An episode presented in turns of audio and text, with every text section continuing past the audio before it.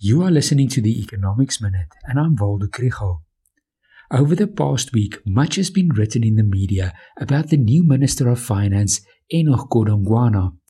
His supporters point out that he has helped the ANC move away from populist policies, that investors know him, and that he knows how to steer the debate to find common ground.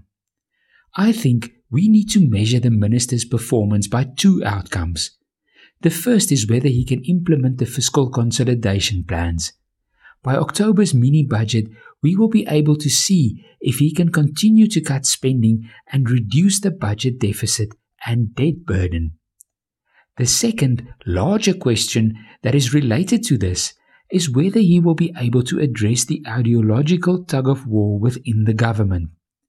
The governor of the Reserve Bank, Lesetja Kganyago, recently said the political leadership of the country need to frame the trade offs. We seem to give South Africans the impression that this country can do everything and provide everything and not have difficult conversations with society. That society must make choices. In practical terms, this means that South Africa cannot now afford the basic income grant, the NHI, and free higher education while we also want to recapitalize the public enterprises and support bankrupt municipalities. Choices have to be made. And it's not just the choices about what to do, but also about how to do it.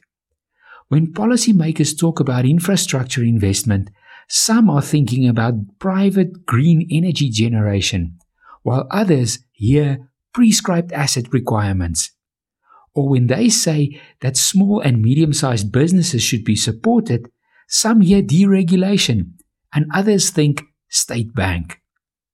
We can only hope that the National Development Plan wins the battle of ideas against the National Democratic Revolution.